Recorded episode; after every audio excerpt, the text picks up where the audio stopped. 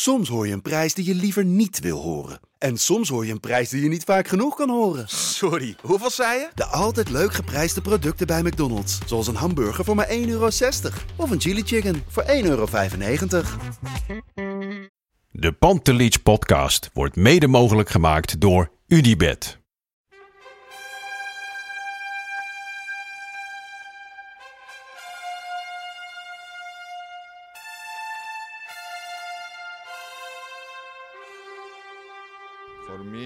They can have just lot of goals, lot of fun, and some some other things. Pantelic komt erin. Pantelic, dat is heel mooi. Pantelic, afgedraaid. Pantelic doet het weer zelf en maakt hem nu alsnog. En dat doet hij, ik kan niet anders zeggen. Buitengewoon langs de velden, voor ons dierbaar rood en wit. Freek Jansen. En aangeschoven vandaag bij ons Willem Vissers. We gaan van, van de ene topgast naar de andere topgast, hè, deze Zeker. podcast. Nou ja, leuk dat ik eh, uitgenodigd ben. Mannen, Ja, bedankt. Ja, wat een, eh, in de corona, op netjes anderhalf meter afstand. Ja, net hè? Ja, daar mogen we net mee door. Maar eh, ja, Arco, ja, ik wil jou even het woord geven natuurlijk. Niet dat ik jouw draaiboek gelijk alweer uh, over... Nee, ik, er is, eh, er is, ik heb geen draaiboek in hand dit keer. Het is, eh, we gaan even freestylen. Hopelijk komt het allemaal goed. Eh, Willem, hartstikke fijn dat je tijd voor ons eh, hebt kunnen maken en willen maken. Eh, jij bent, eh, ben je- ben je- noem je jezelf voetbaljournalist of sportjournalist?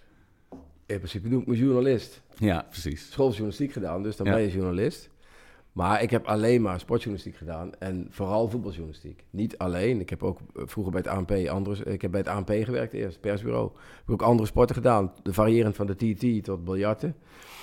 Maar eh, sinds, sinds ik bij de Volkskrant ben, eigenlijk alleen voetbal. Ja. Ja. wanneer, wanneer ben jij eh, van de ANP naar Volkskrant gegaan? 97. Dus je bent nu dus eh, zo... Dus ik ben wel echt een Al van bijna de... 25 jaar gewoon... Ja, eh, ja, Ja, ja. Dat, dat, dat, dat las ik inderdaad 97. Want ik ben opgegroeid thuis. eh, als tiener hadden we de Volkskrant. En natuurlijk in de glorietijden van Ajax.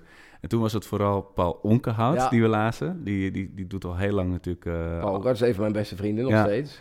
Maar dat, En en op een gegeven moment popte jouw naam eh, daar, daar ook op. Maar dat is dus echt inderdaad eh ja, Paul heeft mij min of meer binnengehaald. Ja, Tenminste, dat is een van degenen geweest die mij eh, eh, naar de Volkskrant heeft gebracht. En eh, daar heb ik jarenlang samen voetbal mee gedaan. Dus ging ik belangrijke wedstrijden we ook altijd met z'n tweeën naartoe.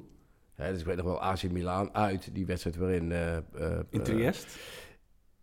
Nou, in Trieste Nee, was ik nog bij het ANP. dat was ervoor. Ik bedoel eigenlijk met Koeman. AC Oh, Koeman uit, dat eh, die, de- die overtreding in die hoek hadden moeten maken. Ah. met de wedstrijd Thomasson. Ja. en eh in, in, in Ja, zou ik ik was maar zeggen. erbij, ik was erbij, die- ja. die- Toen waren Ja. we met z'n tweeën. Ja. Hè? Toen waren we met z'n tweeën voor de Volkskrant bij dat soort wedstrijden. Die waren dan zo groot, daar gingen we met z'n tweeën naartoe. Of als het dichtbij was, gingen we ook altijd met z'n tweeën natuurlijk. Bochum uit, ik weet het nog wel. het regenboog eh, seizoen. shirt. Ja, Bochum uit, schitterende reportage.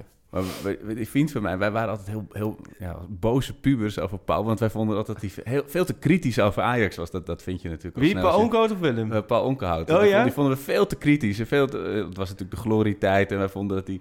Kijk, in de Telegraaf eh, liepen ze natuurlijk de Polonaise gewoon mee met Ajax. De- zeker destijds. Toen was het gewoon eh, de, Ajax-krant eh, puur zang. Vorig jaar was het net andersom, maar. Ja, precies. Ja. Maar eh, toen waren we heel blij dat jij dan kwam, weet je wel. Jij was tenminste, jij was tenminste wel, wel positief. Nou ja, ik hou van... het- Perceptie, Het hè? interesseert mij nooit zoveel wie de club is. Nee. Maar ik hou gewoon van mooi voetbal. En eh, van aanvallend voetbal. En of dat nou door Ajax gespeeld wordt of door eh, FC eh Maanmannetjes. dat maakt me eigenlijk niet zoveel uit. Ja. Dus voor mij moet er wel iets gebeuren. Op, kijk, het is een soort... Toch theater, het is vermaak, het is noem maar op. Dus je gaat naar een stadion toe en je wil iets zien. Ja, En je wil iets moois zien, je wil verwonderd raken, je wil geëmotioneerd raken. Nou ja, dat, dat raak ik van mooie voetballers. Van spelers die iets extra hebben, die, die, die iets kunnen waarvan ik zeker weet... nou, dat zal ik bij benadering nooit kunnen. Ik zou mijn benen breken als ik dit deed. Dus, en als dat lukt, en zoals vorig jaar lukt dat natuurlijk perfect... dan, eh, dan heb ik gewoon eh, een geweldig eh, leuk seizoen. ja. Wat, wat, Ja, hoe, dan- hoe is jouw link met Ajax door de jaren heen geweest vanaf 97? Met de afgelopen, laat ik zo zeggen, Nou, anderhalf jaar. Als kind nooit eigenlijk. Nee. Eh, ik, ik- als kind, ik kom uit Midden-Limburg, dus ik weet wel nog toen ik een jaar of zeven was, acht, toen begon ik me te interesseren voor voetbal. Toen kreeg ik van mijn ouders een Ajax-shirt Ja. voor de verjaardag. En dat was nog zo'n shirt, weet je wel, met zo'n cartoonen shirt met zo'n...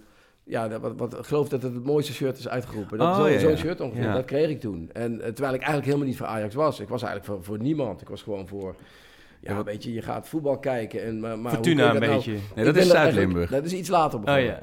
Maar, maar eh, je gaat voetbal kijken en je weet helemaal niet hoe goed het op dat moment is. Dat is eigenlijk nu nog wel steeds, nou, frustratie niet, maar kijk, ik ben eigenlijk voetbal gaan volgen toen het totaalvoetbal gespeeld werd. Ja. Maar je weet helemaal niet dat het totaalvoetbal is. Want Nee. je gaat gewoon kijken en je denkt, nou ja, Ajax tegen Inter Milaan, Europa Cup finale. Dat was mijn eerste wedstrijd die ik me eigenlijk een beetje herinner. Alsof beetje. je, alsof je voor het eerst van een, van een, van een fles met melk naar eet, vast eten gaat en dan ga je naar Libreien. Weet je wel? oh, nou, eten, ja, is wel lekker. Ja, ja, ja. Het Je begint bij de Libreien en, dan, en dan moet je nog een heel leven. is eigenlijk alleen maar minder geworden. Ja, het ja, ja, in die zin wel. Je, je zit bij die wedstrijd, je zit die wedstrijd te kijken en je ziet Cruijff twee keer scoren. Ja. Ja, het was mijn eerste Europa Cup finale die ik zag op tv. Dus, en, en, en niemand in mijn gezin, in mijn eh, familie, die zich voor voetbal interesseerde. Dus ik zat alleen voor de televisie. En Ja. dan kijk je ernaar en dan... Ja, dat is dan blijkbaar totaalvoetbal. Dat wordt dan net zo omschreven, maar je weet gewoon verder van niks. je kunt het nergens aan relateren, helemaal niks. Ja, dat, dat herken ik wel. Dat, ik kom ook niet uit een, uit een voetbalgezin in die zin. Weet je, ik kan me nog wel herinneren dat we het EK 88 keken. Maar het was niet dat, dat, weet je, dat ik met mijn haren naar de, naar, naar de tv werd gesleept Nee. of naar het, naar het stadion werd gesleept. Jij, jij komt wel echt uit een voetbalgezin, Ja. toch, Freek? De, de bal was altijd wel Vanaf aan dag het 1 rollen. was alles voetbal. Ja, Ja, ja. Jij kwam hooghoudend eh, uit de baarmoeder. eh, Ja, nee, ja, ik ben de jongste met twee oudere broers ja. die helemaal voetbal zijn. Dus eh, met drie jongens thuis was alles, eh, nee, ja, alles voetbal. Dus ja, Ja. nee, dat... eh, Maar jij bent ook eh, autodidact, dus dat... Nou eh, ja, wat mijn ouders hebben het wel gestimuleerd. Die kwamen nooit kijken naar mijn voetbal. Dat begrijp ik al enigszins. Ja. Maar, eh, Daar wilden ze niet eh, mee geassocieerd worden. Nee, terwijl het voetbalveld lag echt op 100 meter van Oh. ons huis. Ja. Maar die hebben wel bijvoorbeeld mij, altijd gebracht. Hè, Ik ben eh, in het begin als journalist, werkte ik bij de Limburger. Moest ik zondagmiddag naar hoofdklassewedstrijd. eh RKO-NS tegen Cesar, weet ik veel wat. En dan gingen mijn ouders mee. Die brachten mij... Ik speelde dan 's ochtends in de derde of in de tweede. Dan gingen we daarna eh, eh, bij mijn ouders in de auto zitten. Die brachten mij naar die amateurwedstrijd toe. Die gingen dan wandelen in de buurt. want Die gaven niks aan voetbal. Dan zeiden ze mij, hoe laat is het afgelopen? Ik zeg, nou, kwart over vier Ja. is de wedstrijd afgelopen. Dan moet ik even de trainer eh, nog een quoteje vragen. En dan kwamen ze me om half vijf verhalen. Brachten ze me in Maastricht naar de redactie. En dan ging ik daar een stukje uittikken. En een eindredactie doen. Van Maar jij bent wel echt, dat moet ik wel zeggen, want we introdu- introduceren nu Willem een beetje met verhalen. Het is een romanticus die fantastisch kan vertellen. Het is ook een pure journalist. Als je aan mij vraagt, mensen vragen over, ah, ben je journalist? Ja, ik voel mezelf totaal geen journalist, laat maar zeggen. Ik ben een Een beetje stukje schrijven. verdwaalde voetballiefhebber in de journalistiek gekomen. Eigenlijk vanuit, vanuit de voetballerij zo. Maar de echte jo- journalist, bij Willem zit wel echt de journalist. En dat, dat, dat vind ik, dit, dit wist- verhaal wist ik helemaal niet. Maar dit, dit, komt dus ook zo dat je dus eigenlijk dus vanaf jouw tien... Want hoe oud was je dan dat jouw, jouw ouders jou dus naar die wedstrijden reden? Ja, toen was ik, zat ik op school journalistiek. Eh, eh, zeg maar twintig. maar je bent dus echt wel vanuit je tien jaren dat je wist, ik word journalist, dat je... Was het toen ook al gelijk sportjournalist? Of was het... Nou, niet per se. Ik heb schooljournalistiek gedaan. Daar, eh, daar was eigenlijk... eh, eh, niemand was geïnteresseerd in sportjournalistiek. Nee, nee, ja. Ja, ik was begin jaren inderdaad 80 een zat ik op soort, eh, schooljournalistiek. Ja. En de meeste mensen wilden bij de NRC werken of bij Vrij Nederland of eh, televisie speelde helemaal nog eigenlijk geen rol. En ik weet nog wel dat op een gegeven moment was de directeur van de, chef sport van het ANP, die had 's ochtends opgebeld naar de directeur van de school van journalistiek. Van zijn er niet een paar jongens die sportjournalist willen worden? Want ik heb iemand nodig, een jonge verslaggever nodig. Dus die kwam 's ochtends, wij kwamen net het café uitgerold. en 's ochtends moesten wij met z'n drieën op een soort sollicitatiegesprek En dat was in. Tilburg, Utrecht? Dat was in Tilburg, in Tilburg. 1986 denk ik. ja. Maar ik moest nog in militaire Mexico. dienst. Ja. Ik moest er in militaire Oh. dienst, dus ik kon dat niet doen toen. Want Oh, ik, ja. Het schijnt dat ik toen eigenlijk uitgekozen was. De ene was, die werkt nu nog bij het AD, steeds Carl Moreau. Die werkt nog steeds bij uh, een van de AD-kranten. En er was nog een man bij, die het uiteindelijk geworden is. Een goede vriend van mij, Mark van Veen. Die werd het uiteindelijk, maar die man heeft mij gewoon nog in portefeuille gehouden. En toen was ik, kwam ik uit militaire dienst. Toen werd ik meteen aangenomen bij het ANP. Heerlijk. Zo, En toen is het... eh, En ik wilde graag uit Limburg weg, want ik wilde Ja. landelijke journalistiek in. Ja. Dus ik had het wel eh, naar mijn zin, want ik was al voor het ANP al correspondent. Eh, VVV, die hadden heel goede seizoenen toen. Hè. Die speelden een paar, hebben een paar jaar achter elkaar van Ajax gewonnen. Ja. Hij Cruijff is nog ontslagen na een wedstrijd tegen VVV. Oh, dat wist ik helemaal Toen de cool Ja, ja. nog de cool was. Oh, ja. Toen werd het drie, die hebben twee jaar achter elkaar hebben ze gewonnen van Ajax. Eén keer 3-0, één keer 3-1. 3-0. Eén keer lag er eh, eh, helemaal sneeuw op het veld of zo. En, Zou dan eh, een bus worden opgewacht als dat nu zou zo gebeuren? Ik denk het wel, hè? Toen mocht ik die wedstrijd doen. Er ging niet eens een vaste verslaggever Nee. naar ANP naartoe. Maar ik was medewerker Limburg en ik mocht gewoon die wedstrijd doen. Dus ja, ik heb daar wel een leuke tijd gehad. Maar ik wilde graag altijd naar Ajax en altijd naar Ja. Feyenoord en altijd naar het Nederlands elftal. Want jij zegt, jij zegt eh, Willem is de, de, de echte journalist. Wat tekent dan de echte journalist? Is dat het... eh, nou, nee, Willem is... Ja, sowieso is Ik vind dat eh, Willem een beetje is- onzin, want ik vind hem ook, ik bedoel... Ik vind, Nee, jawel, ik ben ook wel Ja. journalist, maar bij Willem zit het... eh, ja, Willem is echt van de, van de mooie verhalen maken. Willem Oh, is echt zo. van de... Nou ja, laatst was het natuurlijk ook wel, wel, vond ik ook wel een mooi beeld. Er werd een foto gemaakt toen we daar rondom eh, Ten Hag stonden naar Utrecht Ajax. En dan zit iedereen naar mijn telefoon. En Willem zat er gewoon naar, naar een bloknootje, pen en papier gewoon eh, mee te schrijven. nog net geen regenjas en, En, een eh, gleufhoed. eh. Ja, en Willem is ook wel echt van de onderste steen boven krijgen bij, bij thema's. En, en, maar het is wel de liefhebber in die zin dat hij het wel... het is wel, laten we zeggen, hij kijkt wel vanuit de voetbalbril. Dus Ja. dat, dat, en, maar hij kan heel mooi schrijven en hij kan heel snel schrijven. Want hij heeft natuurlijk ook de prijs gehad voor de WK-finale. En daar komen we straks misschien op terug. Dat hij de deadline-stukken kan hij heel snel ram, ram, in elkaar eh, zetten. Ja. Nou, daar heb ik afgelopen jaar geme- gemerkt wat Ja. voor karwei dat is. Ja, en, en met het boek, want eh, daar komen gaan we zo nog op terugkomen. Je hebt natuurlijk een mooi boek over vorig seizoen gemaakt, maar eh, Lucas Mora stond, stond nog niet te douchen of jouw boek kwam al uit over dat mooie seizoen. Dat, eh, Ja, jij hebt dat ja, vroeg... ja. eh, Jij zegt nu Lucas ja, Dat ik, wil, ik wil het uit de weg hebben. Hoe ja. dichter we bij 8 mei Ja, komen... dat, dat boek hebben we echt heel snel gemaakt. Ja, want ik weet nog wel, wij zijn toen ook nog, eh, we hebben het nog over, moeten we niet wat, eh, wat, nog wat schrijven Nou, over dit gekke was, seizoen? Ik heb Maar- met eh, eh, eh, twee, drie jaar geleden, Feyenoord kampioen. Drie jaar geleden heb ik met Bart Vlietstra Oh, ja. samen een boek gemaakt over Feyenoord.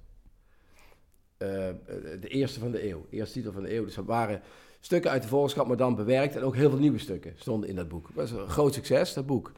Ehm, toen was dit jaar, wilde ik eigenlijk, eigenlijk wilde ik vorig seizoen, het leek natuurlijk aanvankelijk op PSV kampioen ging worden. Ja. De tijd ging het heel goed met PSV. En ik had tegen Marieke Derksen, de uitgever, gezegd, zal ik een boek maken over PSV dit jaar?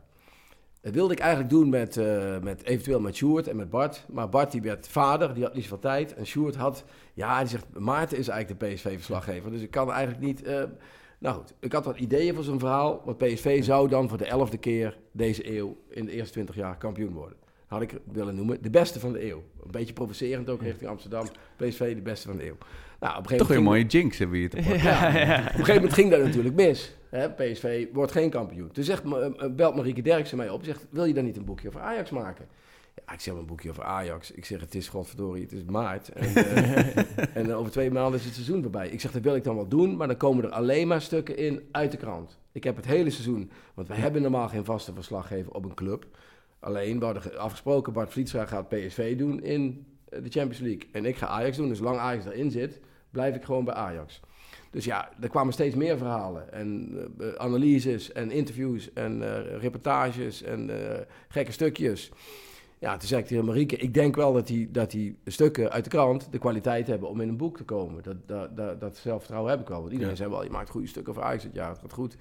Nou ja, toen heb ik gewoon die stukken bij elkaar geharkt en eh, overal een zinnetje boven gezet. Dus dat boek is echt een recordtempo gemaakt. Ja. Ik geloof dat ik op 27 april een appje kreeg van Marieke van... eh, we gaan het doen. We gaan het echt doen. Want het was nog de vraag... wat doen we nou als ze geen kampioen worden? Doen we het nou wel Ja. als ze de Champions League halve finale halen... en dan uitschakeld worden? Doen we, het dan, doen we het dan ook? Of doen we het als ze alleen de beker winnen? Ja, dat vonden we een beetje weinig, alleen de beker winnen. Ze moesten Ja. wel eigenlijk Ja. eh, twee prijzen winnen. Nou ja, goed, oké. Uiteindelijk eh, beslis je dan om het te gaan doen. Ja, toen hebben we dat binnen drie, vier weken dat boek in Oh, elkaar wat mooi, want ik, in mijn hoofd zat jij in november Benfica Ajax uit te denken... ja, maar dit wordt hem. Nu gaan we, nu gaan we het allemaal vastleggen, want dit gaat ergens nee, heen. Nee, nee, het- nee, dat is totaal niet. Nee, pas in, in, eh, in, in april is er echt een besluit Ja. gevallen. En het boek kwam uit. Het was 15 mei was eh, eh, de graafschap Ajax. De volgende morgen heb ik de laatste stukken ingeleverd. Voor, voorwoord van Arnon Grunberg uit New York. Dat was ook mooi op tijd binnen. En op 21 mei kwam het boek uit. Dus Ja. het was wel mijn, mijn eis dat het heel snel gedrukt zou worden. dat, Ja. ik, dat ik gewoon Meteen een switch is geweest van Eindhoven naar Amsterdam Ja. in, het, boek. ja. Dat eind- de beste van de eeuw werd... ge- Ja, dat is Doei. gewoon ergens in het prullenbakje beland. Ja, maar dat kan nog steeds. onder op het eh, bureaubladje.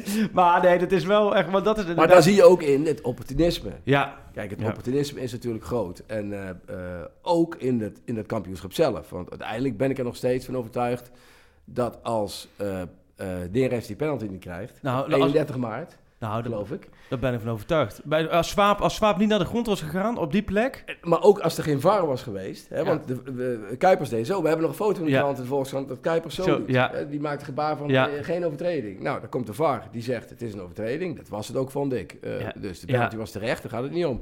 Wordt 2-1 voor Ajax. En Ajax kampioen. ja. Nee, maar dat, Als dat, PSV was een daar sleutelduel. of wint, dan Ja. wordt PSV kampioen. Ja. Hoe Schwab daar na- naar, naar de grond ging, dat is een sleutelmoment geweest. Maar dat is inderdaad, Willem hebben natuurlijk in die hè, vijf, zes jaar dat ik nu bij Ajax eh, als club was gekomen, op Willem afgelopen jaar natuurlijk heel veel gezien.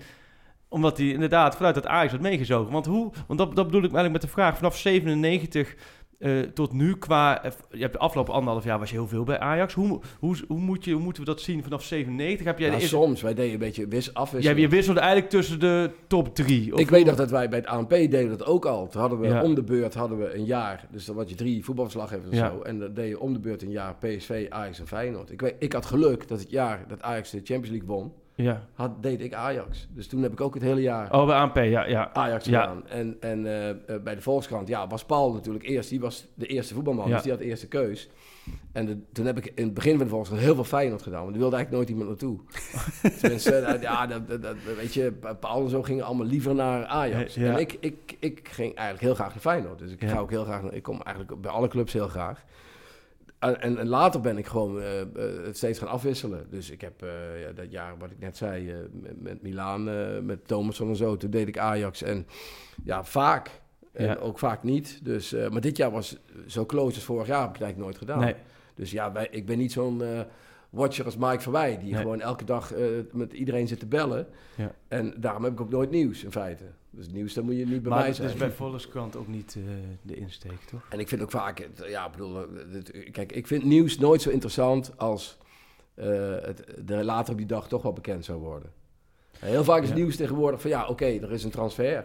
Maar die transfer die was er toch wel gekomen. Dus als je dat een dag eerder hebt, is het wel leuk voor jouzelf, voor je ego. Je bedoelt, je hebt geen tegel gelicht van iets wat nee. anders nieuws niet... is bij eh, mij is gewoon als je iets onthult. Ja, Hè, de, de, de, eh, er zijn in Nederland 2 miljoen mondkapjes, maar die zijn verstopt door, eh, door eh, de voorzitter van de graafschap. Die ze achter in de tuin in een ding zet. en die geeft hij pas Die vrij als ze het die- die- promoveren. Ja, die geeft die- hij pas vrij. Die is nu Gudde aan het verstoppen hoor, achter in geeft tuin. Dat is heel anders. promoveren. Dat- dat onthul En die geeft hij nooit meer vrij, die Gudde.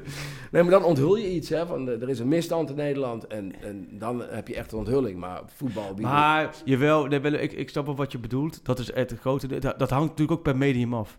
Ja, natuurlijk. Telegraaf is natuurlijk ook eh, Is eh, daar een medium nieuws. voor. Precies, is ook een nieuws eh, snel medium. Maar en ik vind ook soms heel goed hoor, wat ze doen hoor. Want ik moet zeggen... Nee, en het is ook wel, maar het klopt wel wat je zegt. Dat is natuurlijk wel, een dat is ook de afgelopen jaren gigantisch veranderd. Daar hebben wij het in de podcast ook best wel vaak over gehad. Van, er was ook een tijd dat je bij VI bijvoorbeeld, die kwam op woensdag uit. En dan had je op vrijdag bij een persdag, maakt niet uit bij Utrecht was of bij ADO of wat dan ook. Daar hoorde je dan nog wel eens wat.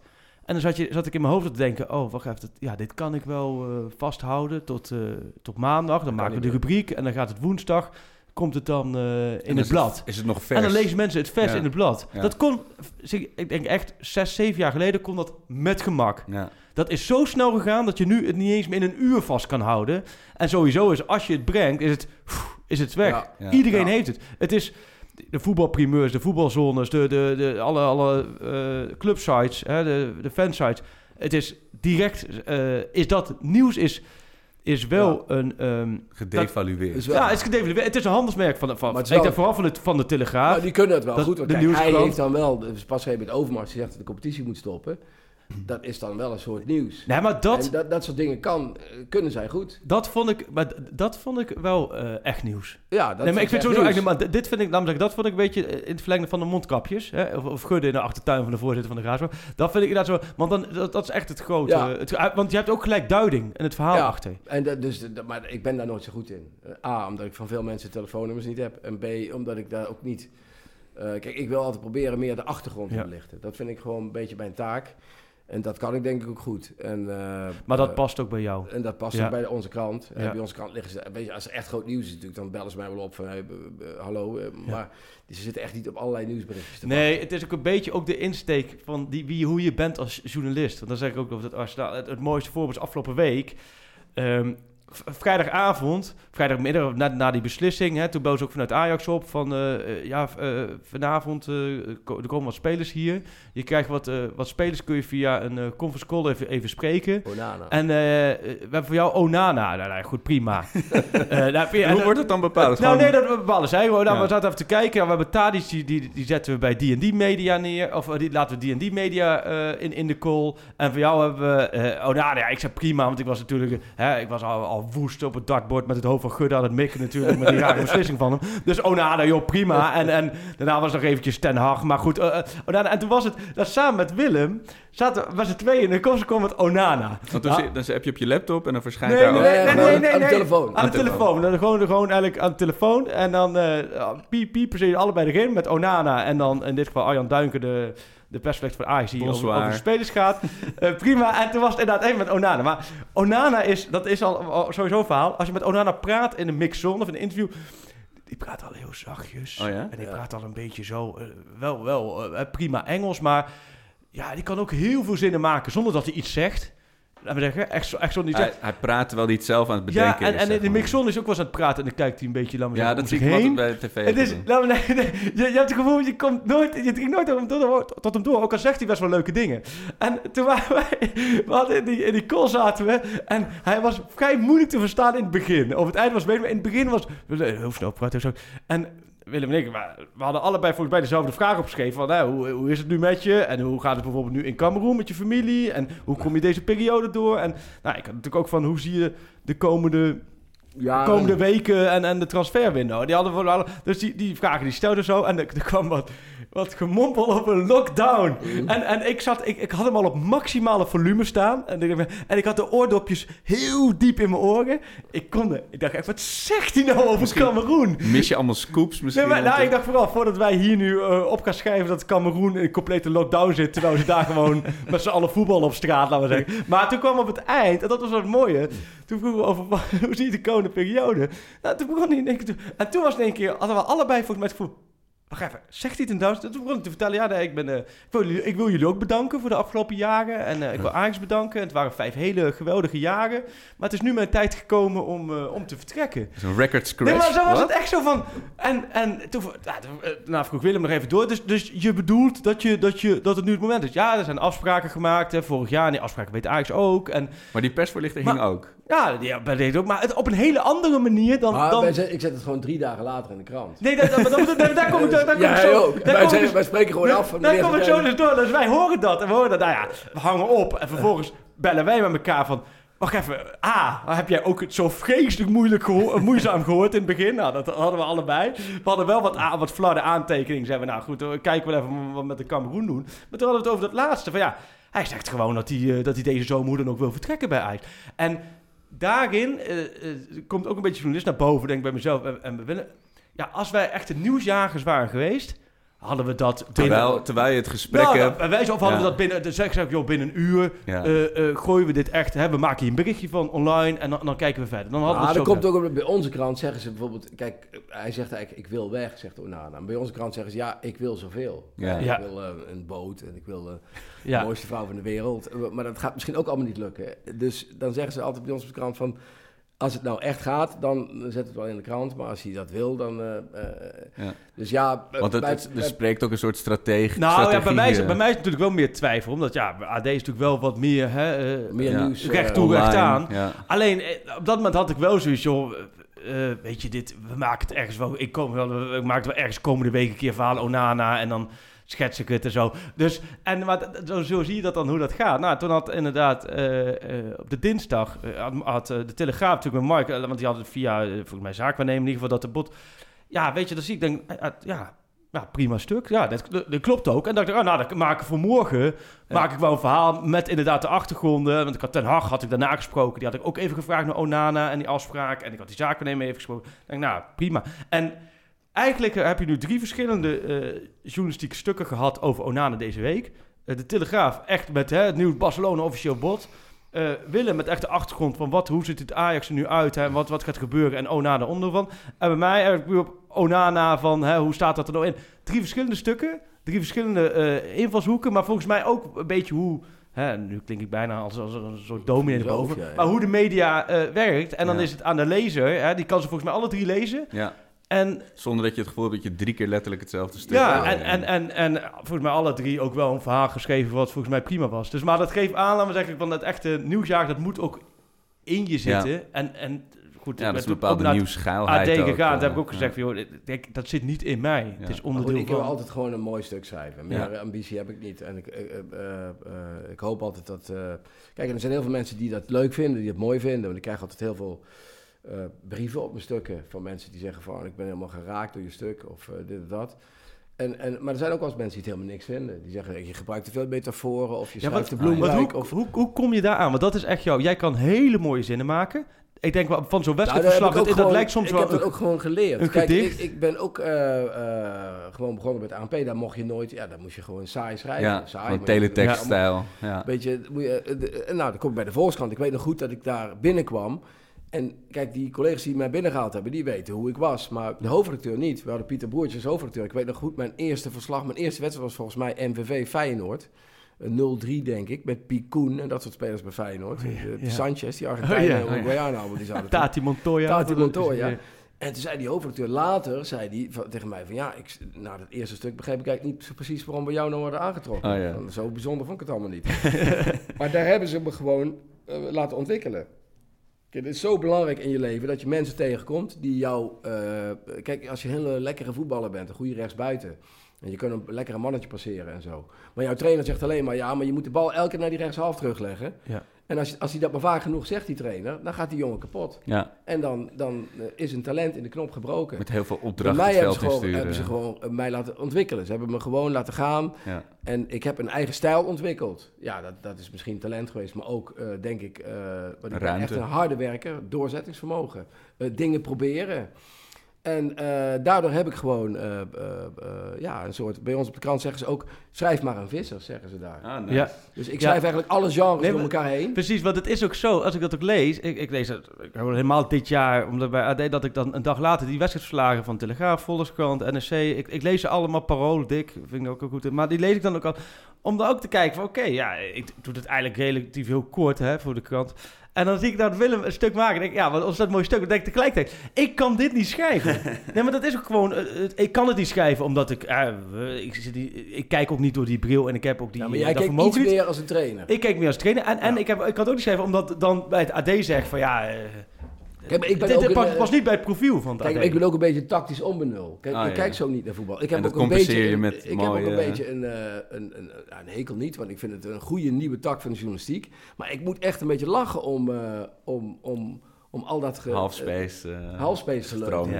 Ik vind het helemaal niet erg dat er is hoor. Ik vind het goed, want ik ben blij dat er een, eh, dat er een jonge generatie is die, een, die, een, die een gat in die markt heeft gevonden. En die ook gewoon goed werk doen. Maar ik krijg er koppijn van, van die stukken. Ja, dus ik vind het heel goed dat ze er zijn, maar ik krijg er A, koppijn van. En B, eh, eh, uiteindelijk draait het in voetbal daar niet om. Hè, het draait in voetbal uiteindelijk om eh, of de spelers voor Ten Hag willen lopen. Hè, als in die slechte tijd vorig jaar met Ten Hag, zeg maar toen hij een paar keer in het eerste seizoen...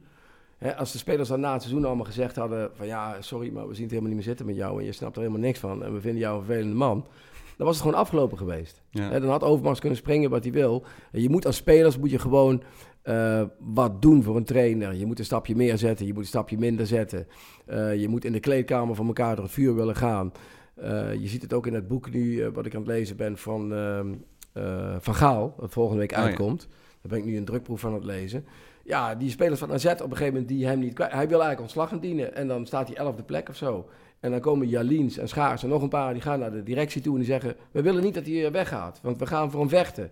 Ja, dat moet je uiteindelijk hebben. En Ja. dat, dat, die halfspace is allemaal heel betrekkelijk. Ja, het is allemaal onder, onderdelen van. We Ja, willen dus- het meer vanuit die kant. Ik weet nog, de- weet je dat de, een van de eerste keren dat wij elkaar echt goed spraken? Dat is denk ik tien jaar geleden geweest. Toen hebben wij in het verlengde hiervan, toen moesten we de Fontes Hogeschooljournalisten Ah, ja. in de Goffert, was zo'n opleiding voetbaljournalistiek, die hebben wij toen eh, eh, college moeten geven vanuit je eigen eh, fout. En ik was dezelfde avond als Willem en, en ik was volgens mij voor de pauze helemaal over Nee, Het- jij was na de pauze. Of ik na was de voor de pauze het wedstrijdstuk. Over het wedstrijdstuk. En ik moest na de pauze tactisch- over, vanuit de tactische bril naar de voetballerij kijken. Of naar een voetbalwedstrijd kijken met de analyse. Want toen moest ik heel vaak analyses maken voor VI.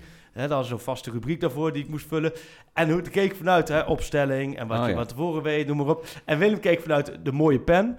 En eh, dat, dat ligt ook wel het verlengde hiervan. Dat was eigenlijk wel een heel eh, Nou ja, ik, ik, ik kijk gewoon als, eh, als liefhebber. Kijk, Ja. en ik ben geen goede voetballer geweest. Ik heb wel nou, een jeugd... aardige spits. Ik heb juist een, ik heb wel een trainersdiploma, jeugddiploma. Dat heb ik al gehaald toen ik 18 was of zo. Omdat het werd gestimuleerd. Dus, maar ik, ik, ben, ik heb me niet gespecialiseerd als trainer.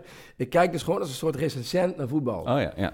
En, en, en, en, en Maarten Wijfels zegt dan wel eens van... Ja, maar als je toch nooit naar de training gaat... dan kun je toch eh, niet eh, oordelen. Nee, maar ik ga ook niet naar de try-outs van Joep van het Hek. Ik ga alleen maar naar zijn show in Carré. En als ik uh, show in Carré ga, moet hij goed zijn.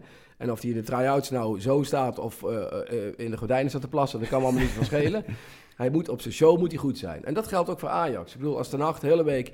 Tegenwoordig kunnen we al helemaal niet meer bij die trainingen. Dus dan zou de, de, journalist die de trainingen wil bezoeken, die kan al niet meer functioneren eigenlijk. Je moet ze beoordelen op de wedstrijden. En natuurlijk zijn er verzachtende omstandigheden als een speler uh, slecht in zijn vel zit, omdat, omdat zijn vrouw uh, niet naar de zin heeft of uh, wat er ook gebeurd is. Dan zijn er altijd excuses, maar je moet ze beoordelen op de wedstrijden. En vorig jaar, met name in de Europa Cup, hebben ze een aantal wedstrijden gespeeld die ik nooit meer zal vergeten. Voetbal wat ik gewoon in 10, 20 jaar in Nederland niet gezien heb. Ja. En dat was voor mij. Uh, in de competitie hebben ze natuurlijk ook goede wedstrijden gespeeld. Maar het gaat uiteindelijk om Madrid uit, Juventus uit, uh, uh, Tottenham uit, nog een paar wedstrijden. Daar hebben we zo van genoten. Ja. Niet alleen ik, maar ook uh, mensen die van Feyenoord zijn of mensen die voor uh, elke liefhebber als zijn, dat is. Uh, de liefhebbers van voetbal hebben daarvan genoten. Dat komt in dat boek ook wel heel goed. En dat moet je gewoon hebben. Voetbal. Kijk, op een WK voetbal zijn er 52 of 58 of 130.000 wedstrijden. Ik weet het niet. Maar dan wil je gewoon verwonderd worden. Je wil ook zien als Paraguay tegen, tegen, tegen Cameroen speelt, waar je eigenlijk kan het helemaal niks schelen wie er wint. Ja, er zijn in de wereld heel veel mensen die naar die wedstrijd gaan kijken. En die willen gewoon wat zien. Het kan ja. ze geen klote schelen of Paraguay of Cameroen wint. Maar ze willen gewoon een middagje vermaak hebben. Ja. En als Paraguay en Cameroen dan allebei met tien man in de goal gaan staan en helemaal niks doen... dan heb je een verloren middag. En dat, ja, dat is zo'n mooi, zo mooi contrast met, met, met de clubtoeschouwer of de clubsupporterbril. Want ja, voor mij, weet je, als Ajax heel onverdiend en lelijk wint, vind ik het prachtig. Maar als, als precies dat ja, zou gebeuren bent... bij Feyenoord, dan zou ik het natuurlijk jij schande vinden. Jij zat in het appartement toch tegenover mij in uh, Turijn? Ja, nee, ik, ik, was niet in Turijn helaas. Uh, maar daar was je niet bij. Er waren een paar vrienden van jou volgens mij, die daar waren toen. En die zaten, ik had een appartement die, zaten, die waren pizza's aan het bestellen s'avonds. En die, die waren helemaal, ja, dat is natuurlijk, als je supporter bent, dan kan het je helemaal niet schelen. Nee. Nou, bij Ajax wel een beetje, maar... Uh, bepaalde dagen mogen ze ook gewoon slecht spelen, maar winnen. Ja. Maar uh, ik als liefhebber wil gewoon uh, vermaakt worden. Ja. En het verlengde daarvan, Willem, even, even snelle ronde, hè? want die hebben we doen met alle gasten die hier zijn. Van 35 jaar loop je nu in die, die voetbaljournalistiek rond. wie is voor jou de, de favoriete Ajax-ziet? Nou, ik wilde toch daar, daar, daar een uitzondering maken op de spelers die ik zelf gezien heb. Maar dat is toch Cruijff. Ja? En van de spelers die je zelf gezien hebt? Nou, om, daar, ik, ik, heb alleen maar Cruijff. Cruijff. Ook omdat ik die als... Ik heb zo uh, genoten van hem, uh, uh, omdat ik als kind dat zag. Hè, die ja. wedstrijd Inter, dat blijft voor mij de wedstrijd waarin het, waarin het allemaal begonnen is. Maar ook als trainer, ik zal nooit vergeten dat ik was dus bij VVV tegen Ajax. En ik was rete zenuwachtig. Want Cruijff was trainer van Ajax. En toen had je nog geen persconferentie. Daar stonden de mensen nog gewoon om de trainer heen. Maar ik was een pikkie van 20. En die nacht had Ajax gespeeld. Nee, had Porto, die waren toen Europa Cup houder, die hadden gespeeld tegen Penarol. En bij Porto had uh, Rabba Majer, die had gescoord. En, Ajax had wel interesse in die Majer. Wij kijken elkaar wilde... bijna nooit van die naam gehoord. Rabba Majer heeft de Europa Cup finale. Okay, ja. is een Algerijnse speler. ja. Met het hakje tegen uh, uh, Bayern München. Schitterende goal. Rabba Majer had Ajax wel interesse in. En ik wilde aan Cruijff al vragen... Want toen had je nog geen internet en zo. Nee. Dus dan moest je echt 's ochtends kijken, op teletext kijken van... oh ja, uh, die heeft gewonnen. En ik wilde eigenlijk aan Cruijff iets vragen over Rabba Majer. Maar ik stond dus in die hele kring om Cruijff heen... stond ik als klein pikkie daar achter Cruijff. En daar vooraan stonden allemaal de grote verslaggevers... die het allemaal toen in die tijd voor het zeggen hadden. En ik had op een gegeven moment... probeerde ik ertussen te komen... en Cruijff draait zich naar mij om. En die zegt zo... jonge man, jij had toch ook een vraag? Nou, dat vond ik zo lief Ja. en aardig. Ja. En zo Ja. was die ook. Cruijff was altijd Hij heeft alles in de smiezen natuurlijk. aardig. eh, en die was, als je, ik ben bij al die, in die revolutie van Ajax, ben ik, ik had niet, ik had niet zo makkelijk contact met Cruijff. Maar overal als hij voor zijn foundation, waar hij ook naartoe ging, al die bijeenkomsten ben ik geweest. Ik ben een keer in Hilversum geweest naar eh, iets van de Vriendenloterij, waar hij dus een soort ambassadeur was. En waar eh, hij aan te spreken was. En Pieter Broertjes, mijn hoofdredacteur, had gezegd... Maar die kende Cruijff wel een beetje. Die had gezegd, Cruijff gaat bij Ajax iets doen. Want die heeft die revolutie. Maar hij, hij, hij snapt dat hij eh, niet aan de kant kan blijven staan. Dat hij een officiële functie moet.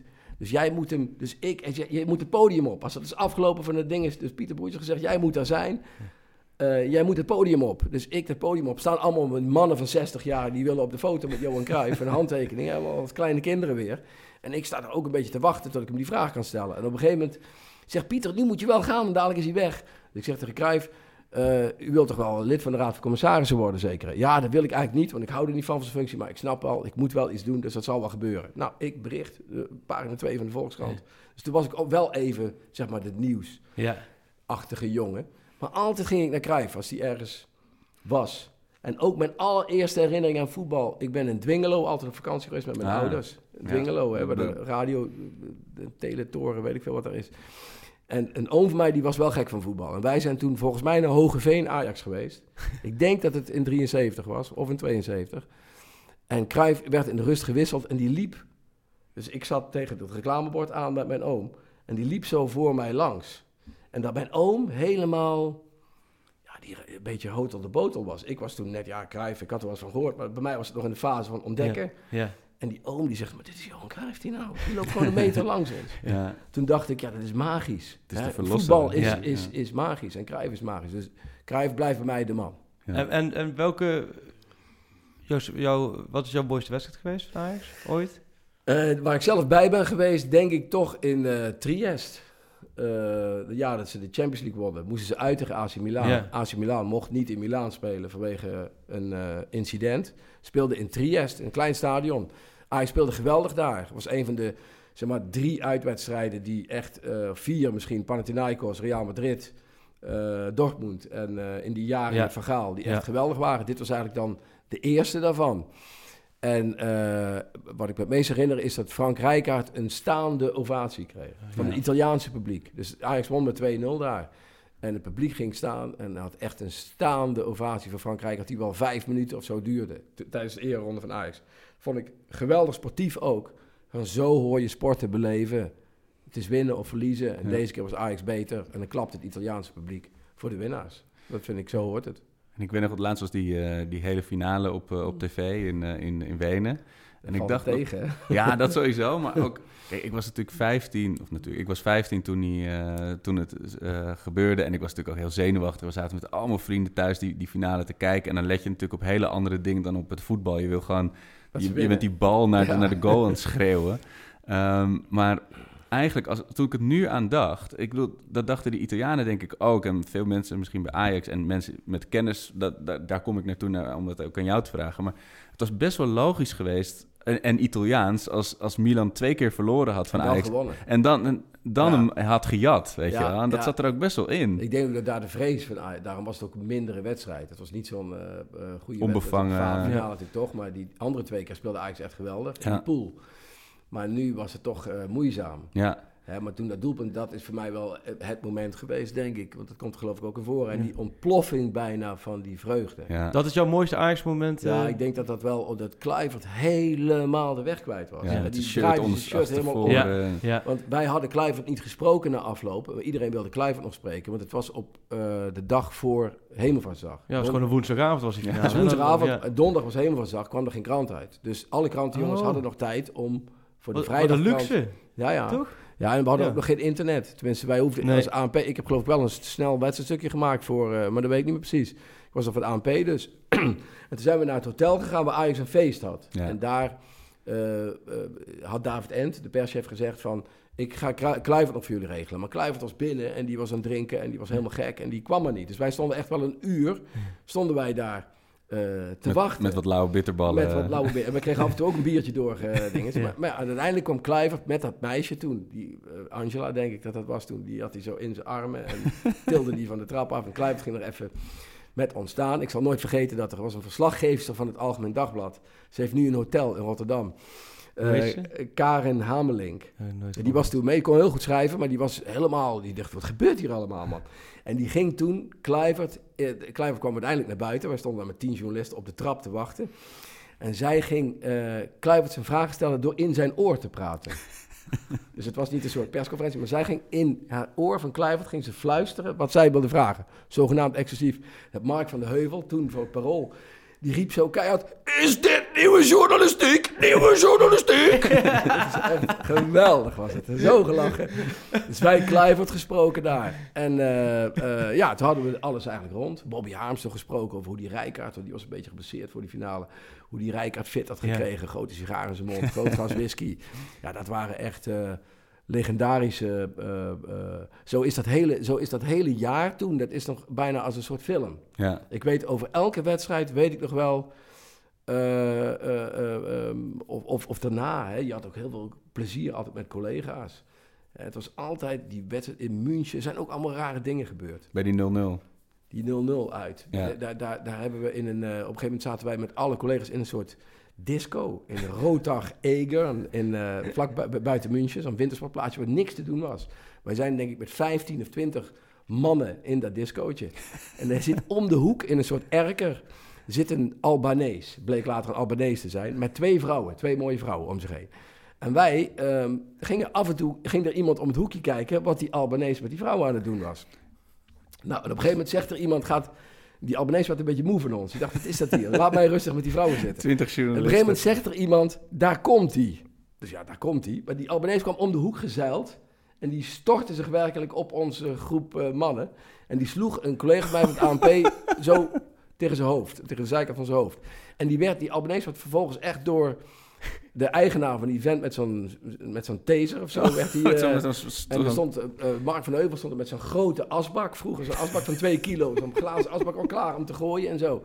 En dat soort dingen, dat, is, het, eh, dat, dat vergeet je nooit. Dat. Buiten dan, en daar weet je nog bijna meer van. Maar die wedstrijd was die uit die 0-0 was Ja. niet zo bijzonder. Nee. Thuis was 5-2, dat was een van de klassiekers.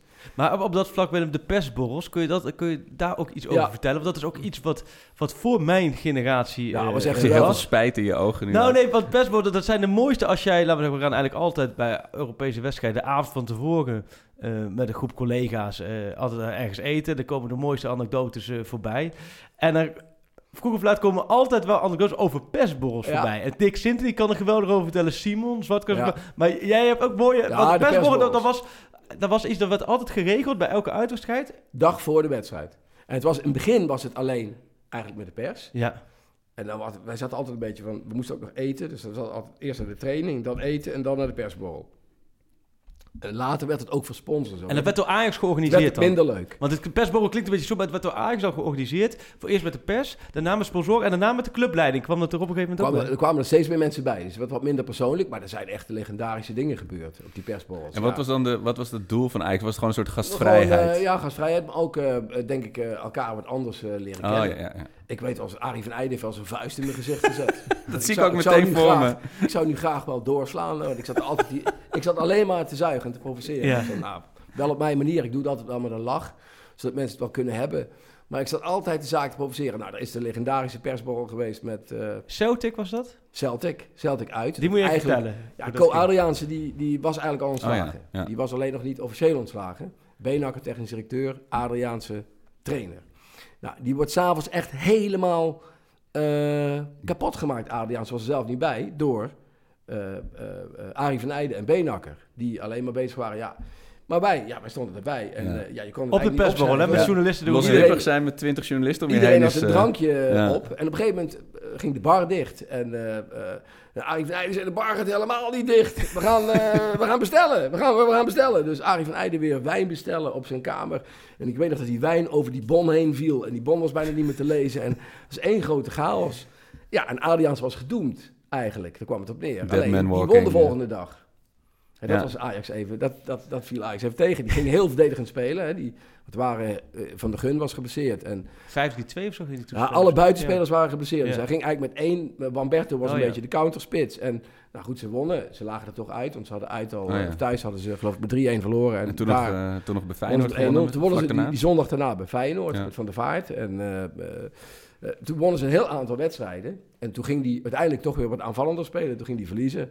En toen ging Maar die uit die alsnog avond voor Celtic hebben ze eigenlijk al beschonken Ja, bij de pers echt- aangegeven van dit gaat helemaal... En er eh, was helemaal geen gebeuren. contact tussen. Ik heb het woord nog opgeschreven. Helemaal geen contact tussen eh, Adriaanse en Beenhakker. Dus ik, op een gegeven moment dat, en je mocht ook nog meevliegen met die ploegen. Dus je kon dat dan ook zien. En je kon zien hoe, eh, wat dat betreft, de journalistiek wil, we mogen nooit meer mee en alles is apart. Maar toen kon je nog een beetje, en je zag gewoon dat er. Echt dat, observeren, ja. ja. dat, dat, er, dat er gewoon eh, geen, geen, geen warmte was ja. tussen Beenhakker en Adriaanse. En toen, op een gegeven moment weet ik nog dat ik, dat ik Adriaanse vroeg van of hij nog met Beenhakker gesproken had. En toen zei Adriaanse, ja, we hebben het over een boomklever gehad.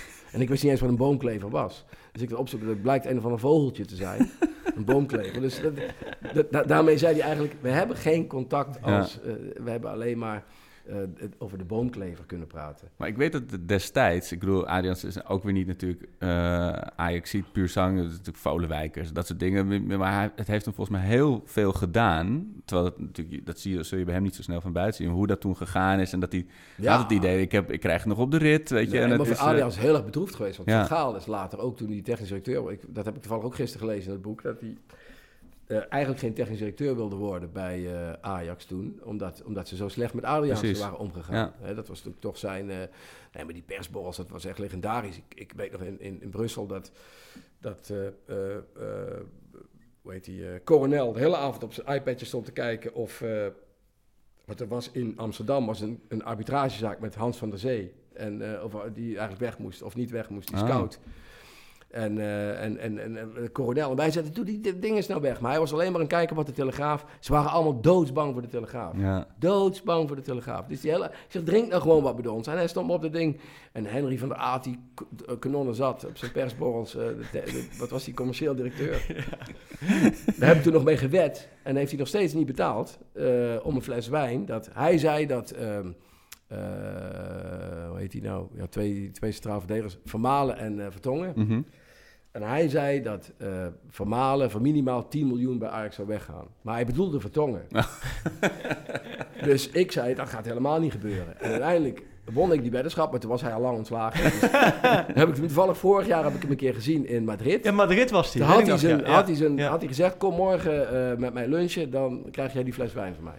Maar ik vind het des te knapper dat als je, als je dus zo lang meedraait achter de, eh, achter de coulissen, achter de schermen. Dus je weet gewoon hoe de voetballerij en zeker ook hoe Ajax in elkaar steekt. En dat je dan toch nog in vervoering kan raken van zo'n mooi Ja, voetbal van dit seizoen. om het spel gaat. Ja. Kijk, je hebt natuurlijk wel... eh, eh, eh, kijk, dat spel wat er achter de schermen is. Ik, en ik ben ook een beetje naïef. Weet je, ik krijg ook wel eens Dat moet je- dat ik moet ook wel. Maar ik, dat, dat, ik- dat ben ik altijd geweest. En ik wil ook graag een beetje naïef zijn. Ik vind het ook niet zo erg om...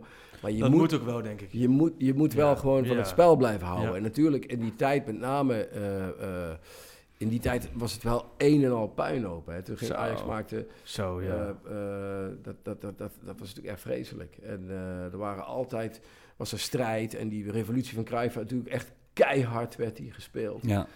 En, eh, En is dat dan nu van het succes van vorig jaar verhult dat? Want is het niet altijd een puinhoop bij Ajax? Of hebben ze hun zaakjes redelijk op nou, orde? Nou, het is, het is natuurlijk, het is natuurlijk eh, eh, heel erg club met, met meningen. En Ja. ze hebben natuurlijk wel een deel van die...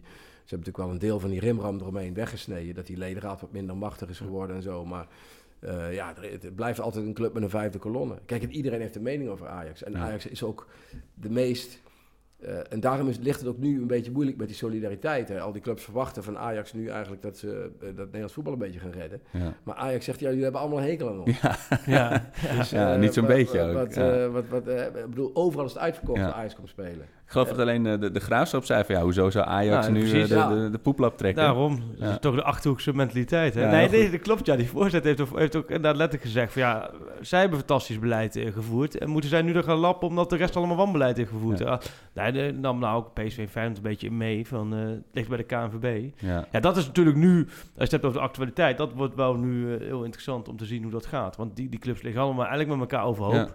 AZ heeft een plan ingediend, maar die willen eigenlijk, dat wordt dan weer van Ajax, Ja, die willen van Ajax. die willen eigenlijk het geld van Ajax gaan verdelen. Ja, vind ik- is ook wel makkelijk. Dat ik nu ga bepalen dat ik jouw bankrekeningen ga verdelen. Het is Ja, wel een zo- verschil of je Europa League of... Precies, eh, of Champions League. Dus Ja. zo, werkt, het- zo werkt het dus ook niet. Dus, dus het- op dat vlak ligt het uit elkaar. En nou ja, dat houdt de gemoederen in ieder geval de komende maanden, zonder dat er een bal rolt, nog wel een beetje bezig. En nog dat gaat nog wel een tijd duren, ja. Ik wil nog even terug op iets wat je eerder zei, Willem, over eh, ehm, eh, dat spelers die voor hun trainer willen, willen werken, willen lopen, die geïnspireerd zijn en blijven door hun trainer. Even terugpakken naar de, naar de, naar de winterstop dit jaar nog. Het, het voelt als een eeuw geleden, maar het is, Ja. het is toch echt maar drie maanden geleden.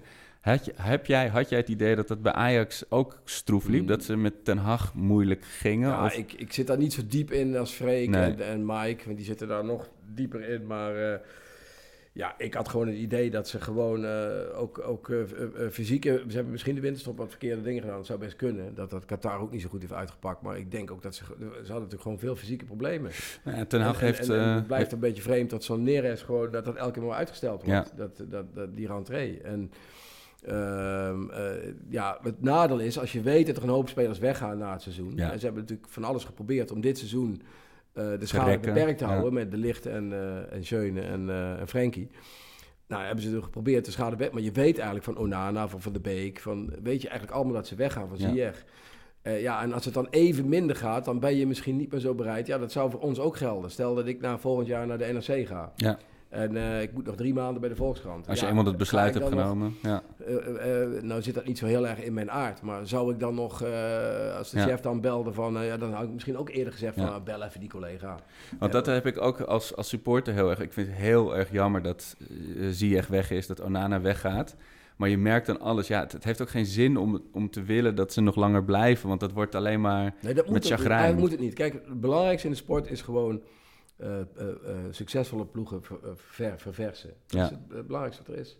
Je ziet ook... Ja, en, en, en in het geval van... Barcelona, te lang gewacht. Tuurlijk. Ja. En in het geval van Onana moet je ook eerlijk zijn, vijf jaar is lang hoor, in de Ja. huidige voetbal. Die is gewoon 2015 binnengelopen, die heeft een geweldige ontwikkeling doorgemaakt. ja. En die is nu eigenlijk in principe op zijn top bij Ajax, 2020. Heeft vijf jaar lang wordt nu gigantische waarde 24. geweest. Kijk, en Ajax heeft het voordeel dat ze echt een goede jeugd hebben.